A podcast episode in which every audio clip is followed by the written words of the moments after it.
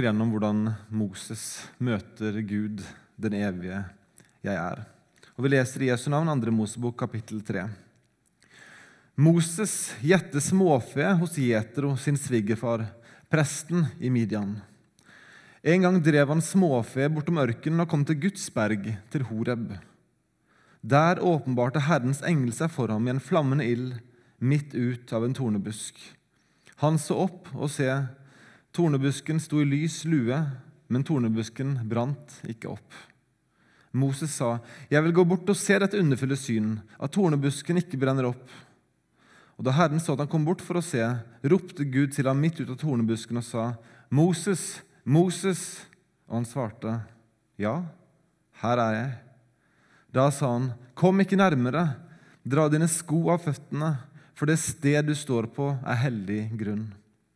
Så sa han, 'Jeg er din fars Gud, Abrahams Gud, Isaks Gud og Jakobs Gud.' Da skjulte Moses sitt ansikt, for han fryktet for å se Gud. Og Herren sa, Ja, så visst, sett mitt folks nød i Egypt. Jeg har hørt deres klagerop over slavefogdene, og jeg vet hva de lider. Nå er jeg steget ned for å utfri dem fra egypternes hånd. Jeg skal føre dem opp fra dette landet til et godt og vidstrakt land, et land som flyter med melk og honning. Det er det landet hvor kanoneerne bor, og hetittene og amorittene og ferisittene og hevittene og jebusittene. Israels barns skrik har nå nådd opp til meg, og jeg har også sett hvordan egypterne mishandler dem. Gå av sted, jeg sender deg til farao. Du skal føre mitt folk, Israels barn, ut av Egypt. Men Moses sa til Gud, Hvem er jeg, at jeg skulle gå til farao, og at jeg skulle føre Israels barn ut av Egypt? Han sa, Sannelig, jeg vil være med deg, og dette skal være et tegn for deg på at jeg har sendt deg. Når du har ført folket ut av Egypt, da skal dere holde gudstjeneste på dette fjell. Da sa Moses til Gud, men når jeg nå kommer til Israels barn og sier til dem, deres fedres Gud har sendt meg til dere, og de så spør meg, hva er hans navn? Hva skal jeg da svare dem? Da sa Gud til Moses, jeg er den jeg er. Og han sa, så skal du si til Israels barn, jeg er, har sendt meg til dere. Så sa Gud til Moses, så skal du si til Israels barn, Herren, deres fedres Gud, Abrahams Gud, Isaks Gud og Jakobs Gud har sendt meg til dere. Dette er mitt navn til evig tid. Så skal de kalle meg fra slekt til slekt. Gå nå og kall sammen de eldste i Israel og si til dem:" Herren, deres fedres Gud, Abrahams, Isaks og Jakobs Gud, har åpenbart seg for meg og sagt:" Jeg har sett til dere, og jeg har sett hva som er blitt gjort mot dere i Egypt. Og jeg har sagt, jeg vil føre dere ut fra alt det onde dere lider Egypt, i Egypt, til kananernes og hetittenes og amorittenes og ferisittenes og hevittenes og jebusittenes land, til et land som flyter med melk og honning. De skal komme til å høre på dine ord, og du skal gå inn til kongen i Egypt, du og de eldste i Israel, og dere skal si til ham, Herren, hebreernes Gud, har møtt oss. La oss nå gå tre dagsreiser ut i ørkenen og ofre til Herren vår Gud. Men jeg vet at kongen i Egypt ikke vil la dere få fare uten at han får kjenne en sterk hånd over seg. Derfor vil jeg rekke ut min hånd og slå Egypt med alle mine under, som jeg vil gjøre midt iblant dem. Så skal han la dere fare. Og jeg vil la dette folk vinne godvilje hos egypterne, så dere ikke skal gå tomhendt når dere drar ut. Hver kvinne skal be sin grannekone og dem som bor i hennes hus, om smykker av sølv og gull og om klær. Og dette skal dere la deres sønner og døtre ta på seg. Det er det byttet dere skal ta fra egypterne. Kjære, gode himmelske Far, vi takker deg for ditt ord, som taler sant, som er levende og virksomt. Og Vi takker deg for denne historien om, om, din tjener Moses, hvordan han møtte deg i tornebusken, hvordan det møtet skulle forandre livet hans for alltid. Og kjære far, vi ber om at vi også må få et, møte med deg, et nytt møte med deg i dag gjennom ditt ord.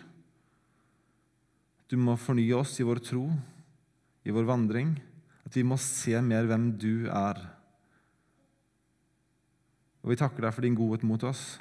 Og vi ber om at han velsigner stunden videre for oss i Jesu navn. Amen. Moses sitt liv kan deles i tre deler.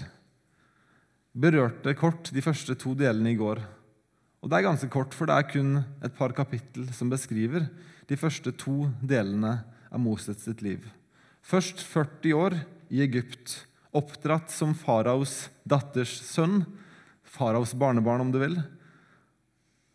Han var velutdannet, mektig i ord og gjerning. Han var akademisk forberedt til å være en leder blant de fremste menn i Egypt, Moses. Men så vet vi at etter de 40 første årene av hans liv så gikk det galt for Moses. Han så for seg at han skulle bli Israels leder, Israels frelser. Han tok saken i egne hender. Han drepte en egypter og tenkte at nå vil israelsfolket forstå at det er jeg som skal føre dem ut av Egypt. Men Moses hadde ikke spurt Herren til råds. Han handlet i egen kraft, etter egen timeplan. Ikke Guds plan og ikke Guds timeplan. Og israelsfolket var ikke klar til å følge Moses som sin leder. Han hadde ikke innpass, han hadde ikke integritet til å kunne mønstre israelsfolket. Planen hans feilet. Og så må han rømme landet. Farao oppfattet Moses sitt drap som et eh, forsøk på å starte et opprør, noe det faktisk også var. Så farao forsøker å drepe Moses. Moses flykter til ørkenen.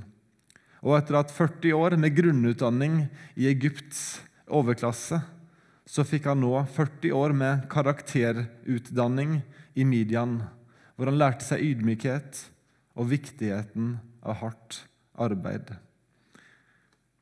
Livet hadde ikke gått som planlagt. Og fordi Moses handlet uten å spørre Gud til råds, så ble resultatet 40 år i Midians ørken. Det er egentlig noen paralleller til hvordan Gud handler med Moses, til hvordan han ville handle med israelsfolket seinere. Moses selv ville erfare først 40 år i ørkenen pga. manglende tillit til Gud i sitt eget liv. Og når han deretter skulle lede israelsfolket ut av Egypt og inn i det lovede land, så mista ti av de tolv speiderne tillit til Gud da de skulle innta Jeriko. De stolte ikke på at Gud kunne gi dem seier. De handla i egen kraft. Og resultatet ble 40 år i ørkenen for israelsfolket. Moses fikk altså 40 pluss 40 år. Men det var kun de første 40 som var hans egen feil. De siste 40 var israelsfolkets feil. Og Det er et underliggende poeng her før vi ser på teksten videre. Gud vil at vi skal stole på Han. Og, og gjør vi ikke det, så vil Han ofte la hendelser treffe våre liv som gjør oss desperate etter Han. Gud vil at vi skal ydmyke oss for Han og erkjenne vår avhengighet av Han. Bare hør disse versene fra f.eks. Jakobs brev, kapittel 4, 10, 4, vers 10. Ydmyk dere for Herren, så skal Han opphøye dere. Peter skriver det slik i 1. Peter 5, 5 og 6. Og dere må alle ikle dere ydmykhet mot hverandre. For Gud står de stolte imot, men de ydmyke gir Han nåde. Ydmyk dere derfor under Guds veldige hånd, for at Han kan opphøye dere i sin tid. Merk at det er Gud sin oppgave å opphøye oss. Det skal skje i hans tid, etter hans timeplan. Og når vi prøver å opphøye oss sjøl, da får det som regel den motsatte effekt. Da må Gud ydmyke oss, så vi skal skjønne at eh, det er han som har kontroll. Det er han vi må stole på. Det er hans kraft vi må gå i. Gud vil ha oss ydmyke. Og det er langt mer behagelig for oss å ta disse befalingene på alvor og ikke tenke høyere tanker om oss selv enn hva som er rett, enn å oppleve Herrens hånd over oss, som å ydmyke oss. Moses opplevde dette. 40 år med en form for Kall det gjerne en form for fornedrelse i Midian.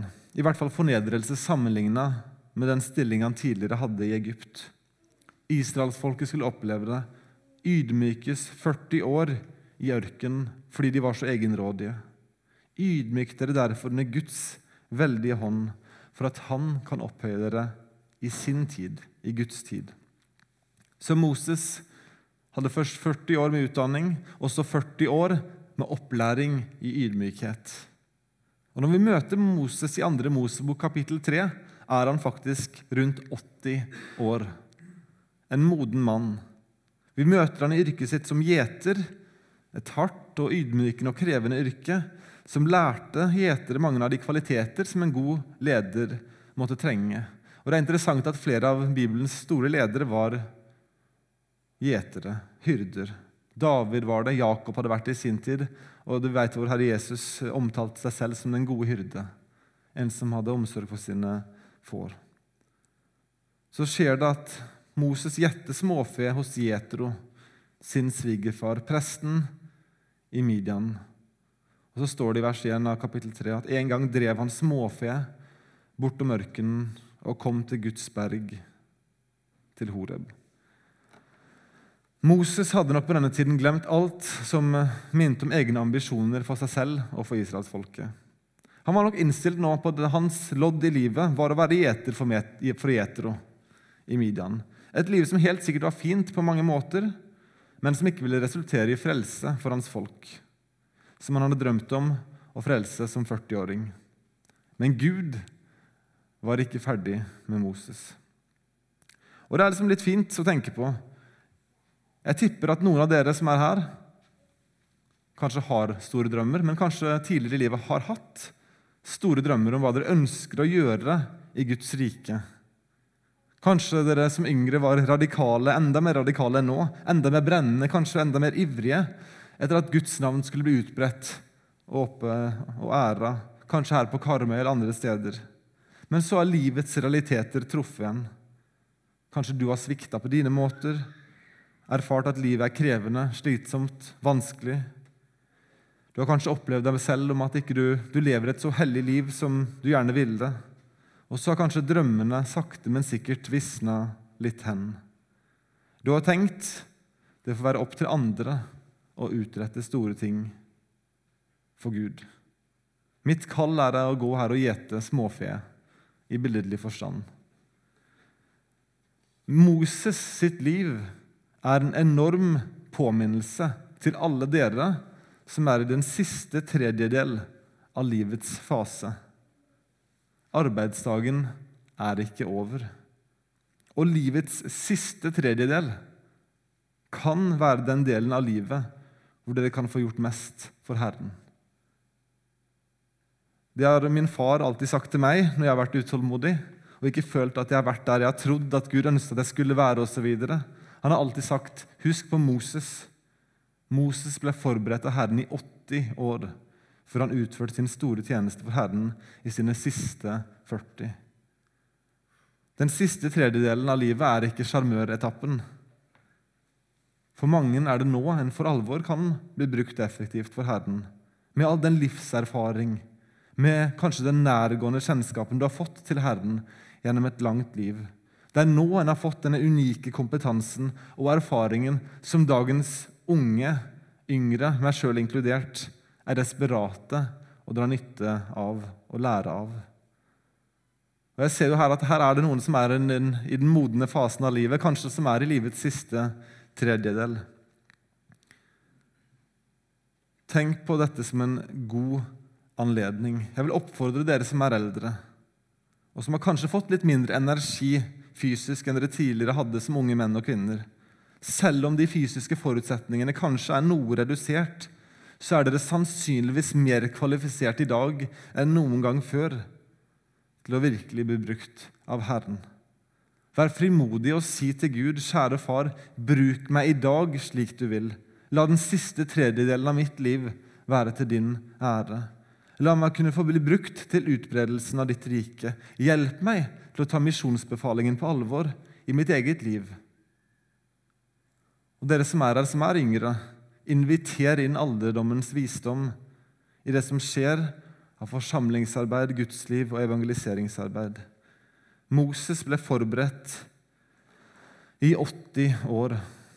Og Mange av dere som er her, har vært under en slags livets utdannelse i mange år også. Og det dere trenger, er kanskje det samme som Moses trengte. Et nytt møte med den evige Gud, den evige jeg er. Og det er det som skjer videre i dagens tekst. Og det som skulle føre Moses tilbake på den kursen han kanskje var tiltenkt, men han hadde veket i vekk ifra. var at han fikk et møte, et nytt møte med Gud i tornebusken. Vi kan si at Strukturen i avsnittet i 2. Mosebok 3 deler seg naturlig inn i fire deler. Fire deler som på hver sin måte lærte Moses noe om hvem Gud er, som skulle bidra til at Moses kunne bli brukt i effektiv tjeneste for Herren.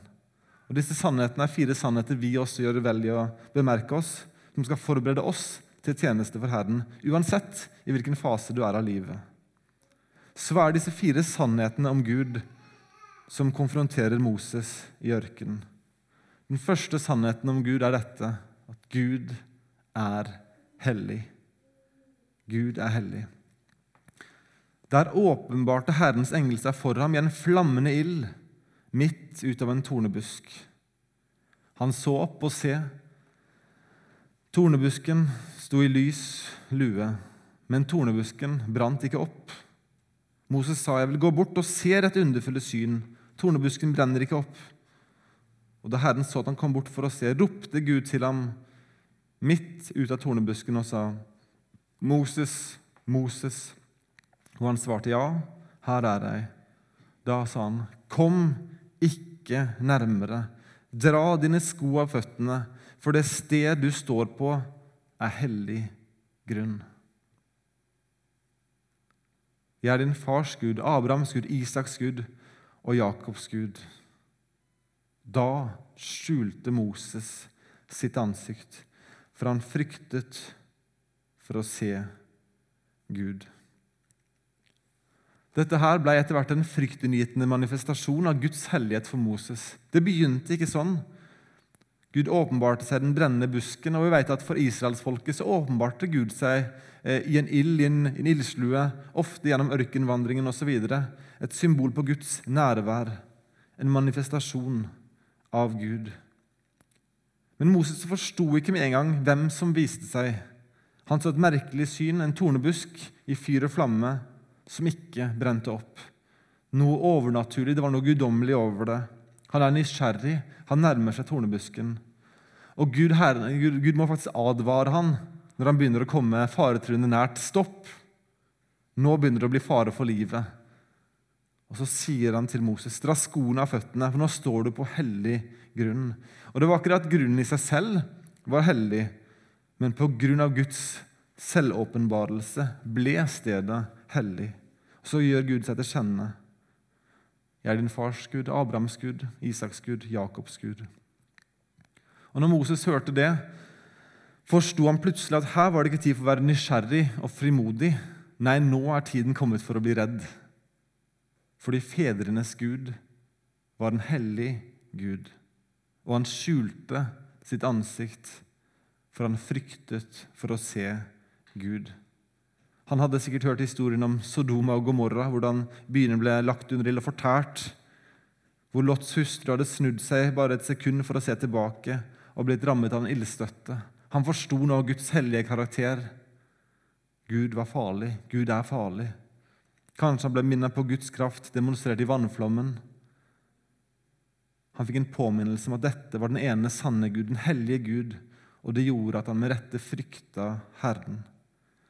For at vi skal kunne bli effektivt brukt av Herren, så må også vi få styrkeforholdet mellom oss og Han avklart. At Gud er den som i sin essens er hellig, og vi i oss selv utenfor Kristus er heller ikke hellige. Vi er vanhellige. I Kristus blir vi helliggjort. I gjenfølelsen begynner vi en helliggjørelsesprosess. Men det er bare Gud som i sin essens er hellig. Guds hellighet minner oss om at han på en måte er adskilt fra alle andre såkalte guder. Han er forskjellig, annerledes, edlere enn alle skapte ting. Gud er unik, annerledes i sin styrke, makt og kraft. Og det er sunt og godt for oss som er Guds barn, å frykte den Gud vi tjener. Ikke en frykt som driver oss vekk ifra Han, for vi har også barnekår og kan komme til han og kalle han Abba, far.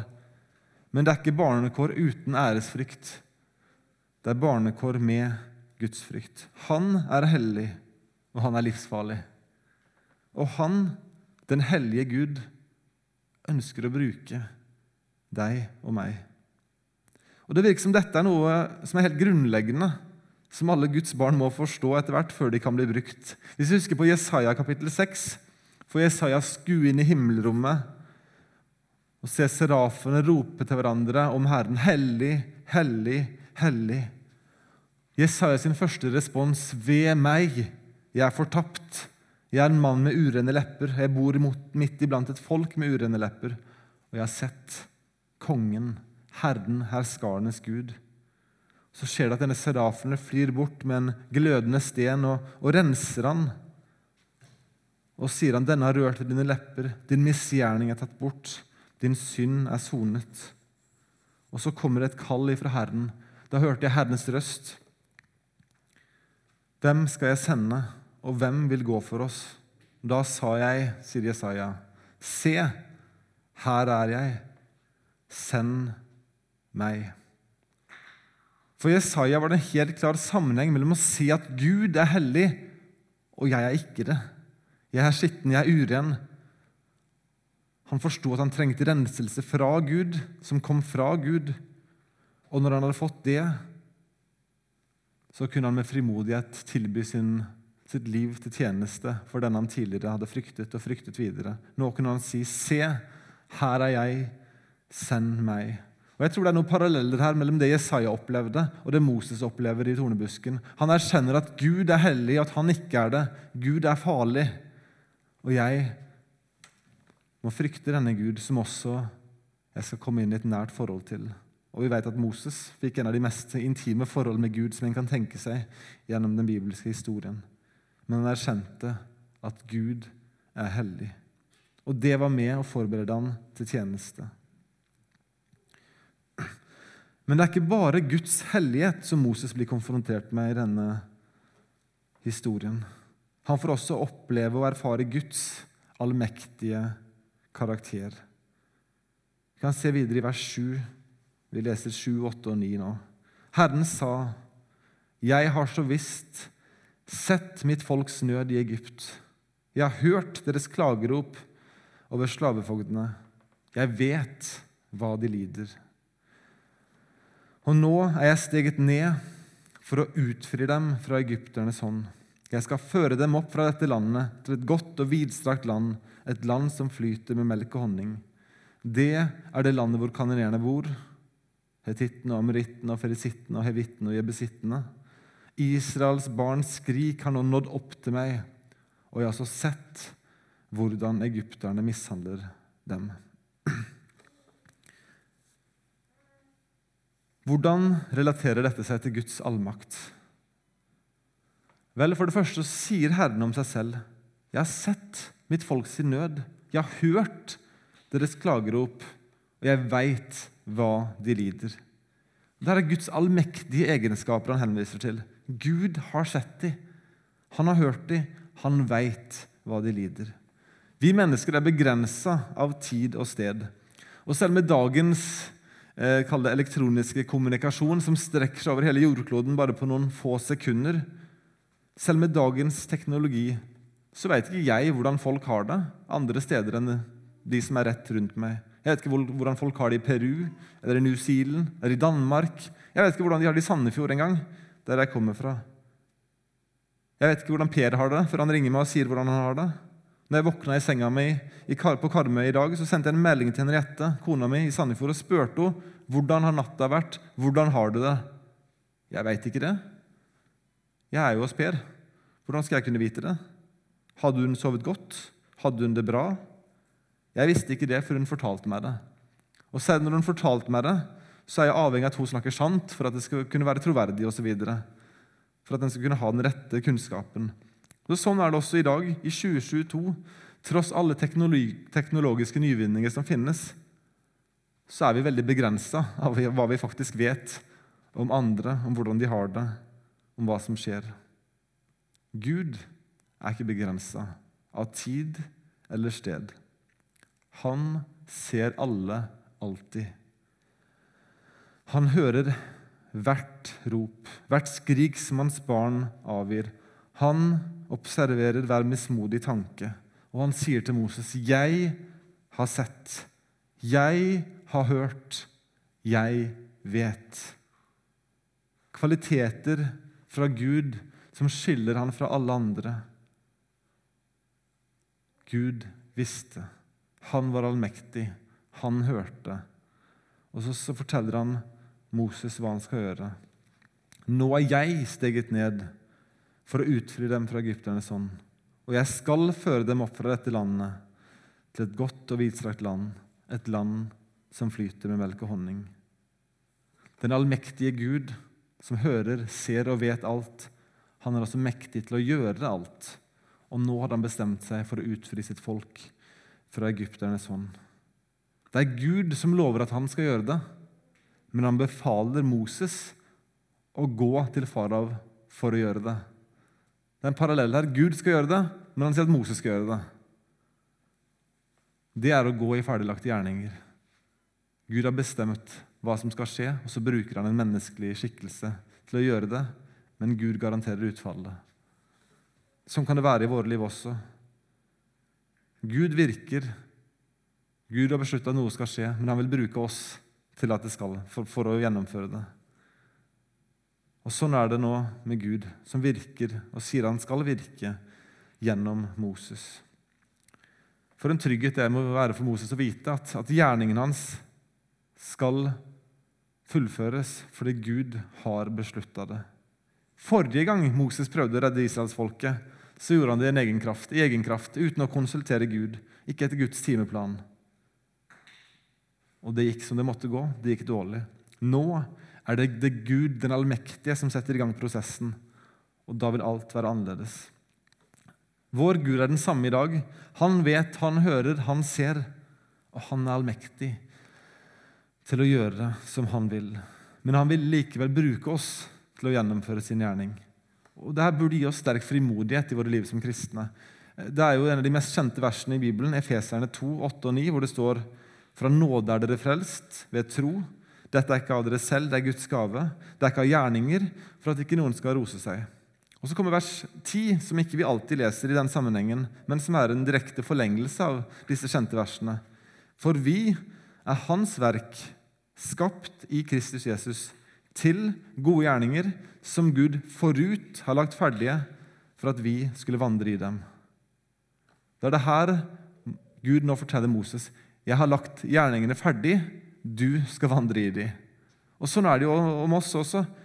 Når Paulus skrev det her, skrev han det til efeserne i menighetstiden. Han skrev det til oss.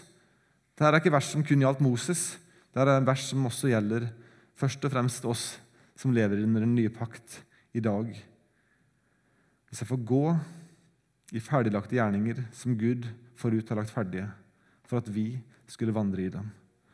Du som er født på ny, skapt i Kristus Jesus til gode gjerninger, har en rekke med ferdiglagte gjerninger foran deg som du skal få gå i. Ber du Gud om å vise deg hvilke gjerninger han vil du skal gå i? Tør du be det?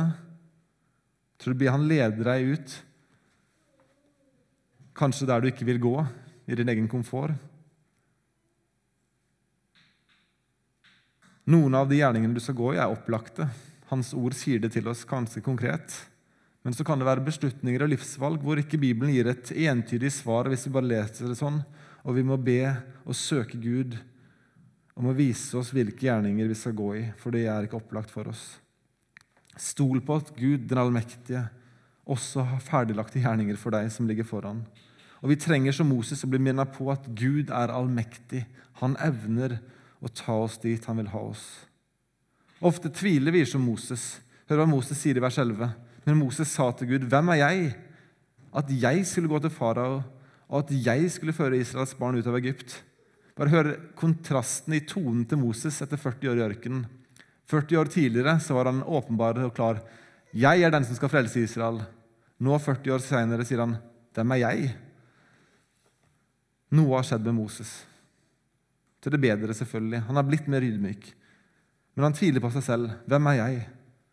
Så sier Gud til ham, 'Sannelig, jeg vil være med deg.' Og dette skal være et tegn for deg på at jeg har sendt deg. Når du har ført folk ut av Egypt, da skal dere holde gudstjeneste på dette fjell. Gud møter Moses sin tvil med å si, Dere kommer faktisk til å komme tilbake hit akkurat her dere er nå, og her skal dere holde gudstjeneste. Han snakker om en fremtidig hendelse som om det allerede er garantert at det skal skje. Gud er allmektig. Han kan garantere utfallet av hendelser som ennå ikke har skjedd. Det er bare Gud som kan. Fire sannheter om Gud som skal forberede oss til tjeneste for Han. Gud er hellig. Den påminnelsen trengte Moses. Gud er allmektig. Det trengte Gud å minne han på. Og Så kommer vi til den tredje og kanskje mest kjente sannheten fra andre Mosebok 3. Gud er evig. Da sa Moses til Gud, men når jeg nå kommer til Israels barn og sier til dem:" Deres fedres Gud har sendt meg til dere, og de så spør meg, hva er hans navn? Hva skal jeg da svare dem? Da sa Gud til Moses, Jeg er den jeg er. Og han sa, Så skal du si til Israels barn, Jeg er, har sendt meg til dere. Så sa Gud til Moses, Så skal du si til Israels barn, Herren deres fedres Gud, Abrahams Gud, Isaks Gud og Jakobs Gud har sendt meg til dere. Dette er mitt navn til evig tid. Så skal de kalle meg fra slekt til slekt. Moses stiller et praktisk spørsmål til Gud. Når jeg kommer til israelsfolket, når jeg kommer til, til, mine landsmenn og sier at fedrenes Gud har sendt meg, og de spør hva, hva heter han, hva skal jeg da si?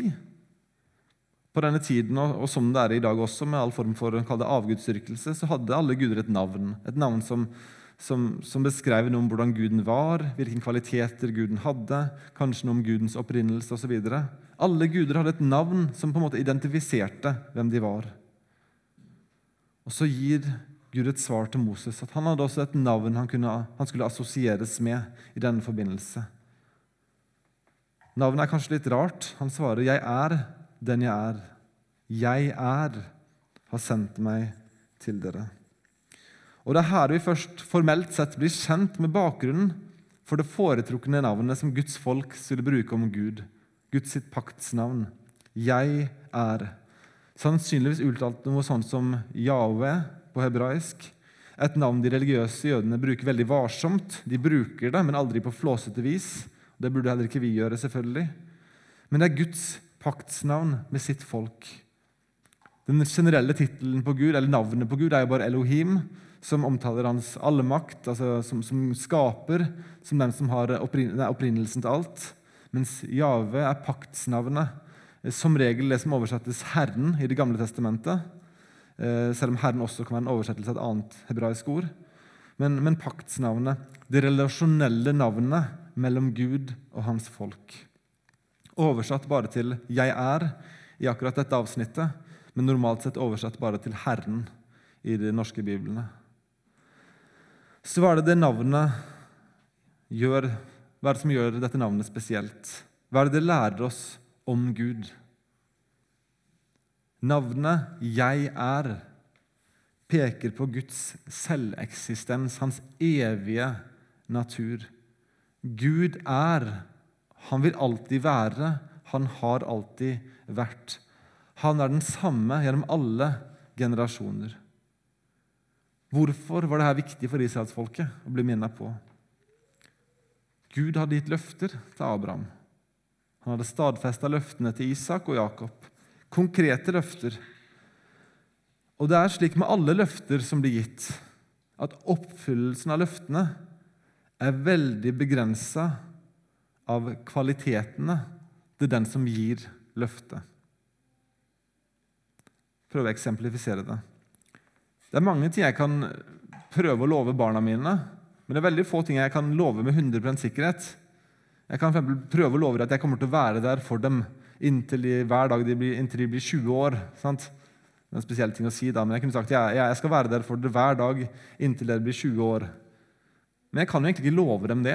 Jeg veit jo ikke hvor lenge jeg skal leve. Jeg vet ikke hvor lenge de skal leve. Jeg veit ikke om det er utenfor, ut, omstendigheter utenfor min kontroll som skjer og forhindrer meg fra å være en støtte og hjelp til de, til de blir voksne. Det er utenfor hva jeg kan makte.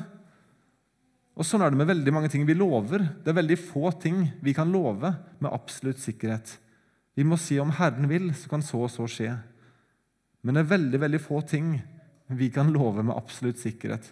Og Det er derfor i ekteskapsløftet vi avgir også, så presiserer at en, en troskapen en skal ha for hverandre. Den skal vare i gode og onde dager, ja, men det er inntil døden skildrer nad. Og dødstidspunktet har ingen av oss kontroll på. Det kan ramme når som helst. En kan ikke love noe lenger enn til dødstidspunktet. Vi er begrensa. Vi er timelige mennesker. Vi er dødelige mennesker. Og så kan det komme andre omstendigheter som kan forhindre oss. F.eks. å reise på besøk vi har lovt osv. Jeg har noen venner som har lovt barna sine å reise til Syden eh, to år på rad. Og Begge årene ble de forhindra av, av korona, som sikkert mange andre har opplevd også. Og Så skulle de bestille en sydentur for tredje året, og sa, så sa de denne gangen så skal vi ikke fortelle barna noe. For de blir så skuffa hvis vi lover dem, og så skjer det ikke igjen. Og De fortalte det ikke, eh, men så skjedde det at det kom sykdom i familien som gjorde at de ikke kunne reise den tredje gangen heller. Men da hadde de ikke gitt løfter i hvert fall. Men, men, poenget er at vi er veldig utsatt for omstendighetene rundt oss. Vi har ikke kontroll. Våre løfter vi gir til hverandre, er veldig begrensa av hva vi kan garantere utfallet av. Vi kan i beste fall love at vi skal prøve å gjøre noe. Vi kan love å gjøre vårt beste. Jeg kan love at hvis omstendighetene tillater, om Herren vil, så kan det skje. Men vi kan egentlig ikke gi noen konkrete, håndfaste løfter om hva som skal skje inn i fremtiden. Det er utenfor vår kontroll. Og det er akkurat det som skiller Gud ifra oss. Det som skiller Gud, den evige jeg er, fra oss mennesker. Gud kan gi et løfte til Abraham, kanskje 500 år cirka, før han møter Moses i ørkenen. Han kan gi et løfte til Abraham og si sånn og sånn skal skje. Dere skal til Egypt, men dere skal ut igjen, og dere skal inn i det lovede land, til Kanans land. Hvorfor kan Gud gjøre det? Jo, for den samme Gud som ga løftet til Abraham, han vil også fremdeles leve og være til stede og inn i det lovede land. Han vil kunne oppfylle sine løfter i henhold til sin egen timeplan. Da Abraham fikk løftet, så var Gud 'Jeg er'. Da Moses møtte Herren, så kunne Gud si 'Jeg er'. Han er alltid. Mennesker kom, mennesker gikk. Gud består. Og det Gud har lovet til én generasjon, er han veldig godt i stand til å oppfylle for senere generasjoner. Løftenes oppfyllelse er avhengig av at ingenting skal skje med løftegiveren. Ingen kan rokke Gud. Gud har lovet, han vil oppfylle. Og Det er akkurat dette Gud nå minner Moses om. Og det er dette Moses skal fortelle til israelsfolket. Den samme Guden som ga løfter til fedrene, til Abraham, om utfrielsen fra Egypt, om et stykke land i Kanans område. Den samme evige Guden. Jeg er han møtte meg i den brennende busken. Han har nå beslutta at tiden er kommet for at dere skal bli utfridd fra Egypt. Tenk over det her. Hvis Gud hadde vært foranderlig eller timelig som oss mennesker, så kunne ikke vi stolt på løftene hans heller. Han har gitt oss tilgivelse, han har lovet oss oppstandelse og evig liv ved Jesu gjenkomst. Hvis Gud var foranderlig, så kunne han jo forandre mening. Hvis Gud ikke var evig, kunne han jo opphøre, dø, før oppfyllelsen av løftene hadde skjedd. Vårt evige håp er 100% avhengig av at Gud er 'jeg er'. Den evige, selveksisterende Gud, den allmektige Gud, den uforanderlige Gud, som er, vil være og som alltid vil være. Navnet hans vitner ytterst sett om hans evige natur og trofasthet. Hans evne til å oppfylle sine løfter til oss i rette tid, selv lenge etter at løftet er avgitt. Og Det burde også oppmuntre oss, som fremdeles har oppfyllelsen av mange løftene foran oss. Vi vet ikke hvor langt foran de er. Kanskje det ikke er så lenge til. Kanskje det er veldig langt foran oss. Det skal oppfylles. Og vi kan være sikre på at det vil bli oppfylt, fordi vi tror på den evige 'Jeg er'. Patriarkene brukte jo faktisk navnet 'Jeg er', Jave, om Herren også, tidligere enn dette. Eh, det blir brukt en del ganger i første Mosebok, så navnet er på en måte ikke nytt når vi møter i andre Mosebok kapittel 3. Men det er først nå de får erfare Gud som den evige jeg er. Hvis du hopper tre kapittel videre i andre Mosebok, kan du lese i andre Mosebok 6. Da sa Herren til Moses, vi leser vers 1.: Nå skal du se hva jeg vil gjøre med farao. Ved min sterke hånd skal han tvinges til å la folket fare. Ja, ved min sterke hånd skal han tvinges til å drive dem ut av sitt land. Og Gud talte til Moses og sa til ham, Jeg er Herren.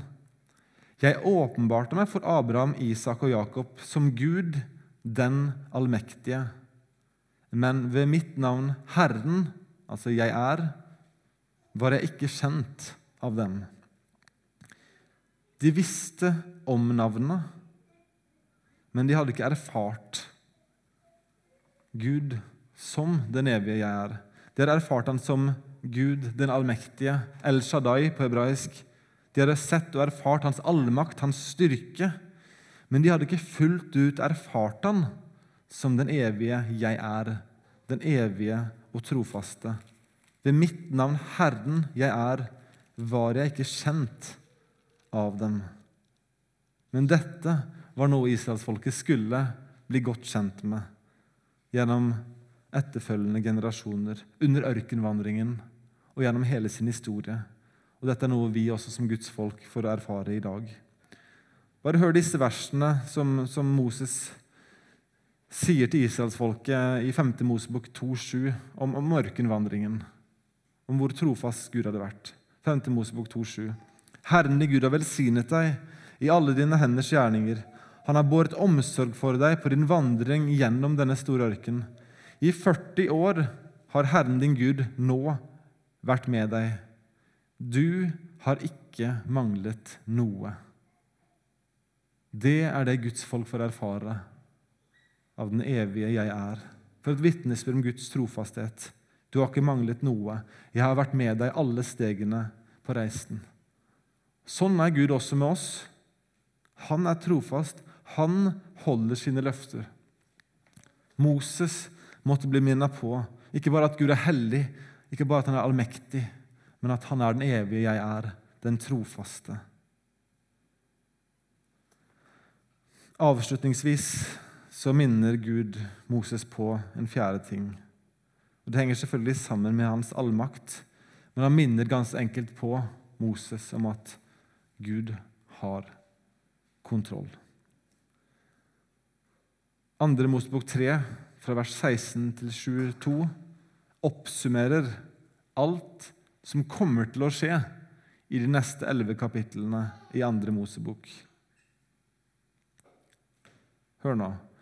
Gå nå og kall sammen de eldste i Israel og si til dem, Herren deres fedres Gud, Abrahams, Isak og Jakobs Gud har åpenbart seg for meg og sagt, Jeg har sett til dere, og jeg har sett hva som er blitt gjort mot dere i Egypt. Og jeg har sagt, Jeg vil føre dere ut fra alt det onde dere lider i Egypt, til kananenes, hetittenes, amorittenes, ferisittenes, hevittenes og jebusittenes land, til et land som flyter med melk og honning. Det var Moses sin oppgave. Og så hør videre hvordan Gud bare forteller hva som kommer til å skje, i ganske god detalj, i vers 18. De skal komme til å høre på dine ord, og du skal gå inn til kongen i Egypt, du og de eldste i Israel, og dere skal si til ham, Herren hebreernes Gud har møtt oss, la oss nå gå tre dagsreiser ut i ørkenen og ofre til Herren vår Gud. Men jeg vet at kongen i Egypt ikke vil la dere få fare uten at han får kjenne en sterk hånd over seg. Derfor vil jeg rekke ut min hånd og slå Egypt med alle mine under, som jeg vil gjøre midt iblant dem. Og så skal han la dere fare. Og jeg vil la dette folk vinne godvilje hos egypterne, så dere ikke skal gå tomhendt når dere drar ut. Hver kvinne skal be sin grannekone og dem som bor i hennes hus, om smykker av sølv og gull og om klær. Dette skal dere la deres sønner og døtre ta på seg. Det er det byttet dere skal ta fra egypterne. Gud forteller Moses om alt som skal skje, i detalj, lenge før det faktisk skjer. Det er nesten som at Gud har gitt ut et boksammendrag før han gir ut boka. Og det er nesten som han må advare folk på forhånd. Ik ikke les boksammendraget hvis du ønsker å bevare spenningen. For leser du det som står her, så veit du jo hvordan boka ender til slutt. Gud gir oppsummeringen på forhånd Og en kan si at spenningen blir ødelagt for Moses. Han veit utfallet. Men i dette tilfellet så tror jeg Moses var glad for at han fikk vite hendelsesforløpet på forhånd. Ellers hadde det vært vanskelig. I livet, som på mange måter er altfor ofte overkant spennende, så er det en stor trygghet å vite at Gud har kontroll, er det ikke det?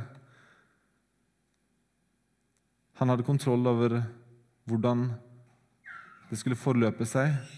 Han hadde garantert utfallet. Moses sitt oppdrag skulle være suksessfullt. Moses kunne gå i ferdiglagtige gjerninger. Herren er med deg i all din ferd når du går i hans ferdiglagte gjerninger. Gud ble ikke overraska over faraos harde hjerte, hans motvilje. Han ble ikke overraska over hva som kom til å skje. Han hadde til og med planlagt at de skulle få med seg sølv og gull og klær fra befolkningen i Egypt. Gud har kontroll. Og det er nok godt for oss at ikke vi vet hva som skal skje hver dag som ligger foran på vår vandring. Men vi kan stole på at Gud vet det, at Han er med på veien, og at Han skal være med. Gud har kontroll. Og måtte disse sannhetene om hvem Gud er, ikke bare være en påminner for Moses, som han trengte før han skulle utføre sitt oppdrag.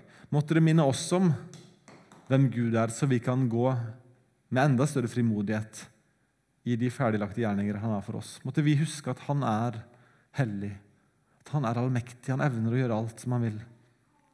Han er trofast, evig. Gud har kontroll. Og så er det å be til Gud at han må hjelpe oss til å respondere på dette i tro. La oss be sammen. Gode himmelske Far, vi, vi takker deg for at du er den du er. Du er hellig, du er annerledes enn alle andre, og, du, og dine veier er bedre enn våre veier. og, og, og vi, vi, forstår ikke fullt ut hvordan du er, men vi, vi vet ganske mye fra ditt ord. Og, og, Jeg ber om at du må gi oss alle øyne til å se litt mer av hvem du er hver dag, gjennom fellesskap med deg, gjennom studiet av ditt ord og, og gjennom fellesskapet med andre troende.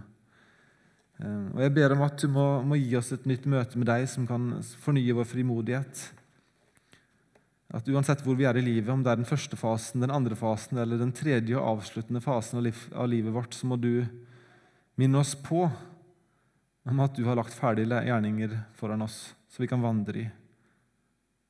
Kjære far, eh, du ser noen her som kanskje har eh, den siste fasen igjen foran seg, og, og som du ønsker at skal skal gjøre ting som de kanskje drømte om i barndommen eller ungdommen, som de har lagt fra seg. Måtte du oppildne de drømmer og de tanker som er fra deg. Måtte du gjøre også de eldre iblant oss enda mer frimodig til å kunne brenne for deg og være ivrige for deg, kjære far. Vi takker deg for din trofasthet. At du er den som bærer gjennom alt, hver dag alle stunder. Dine løfter skal ikke svikte. Vi kan være 100 sikre på at du vil oppfylle alt du har sagt og lovt. Vi takker deg for den tryggheten vi har i Kristus. Jeg ber om at du velsigner hver enkelt som er her. Hjelp oss til å tro dette og leve i dette. Amen.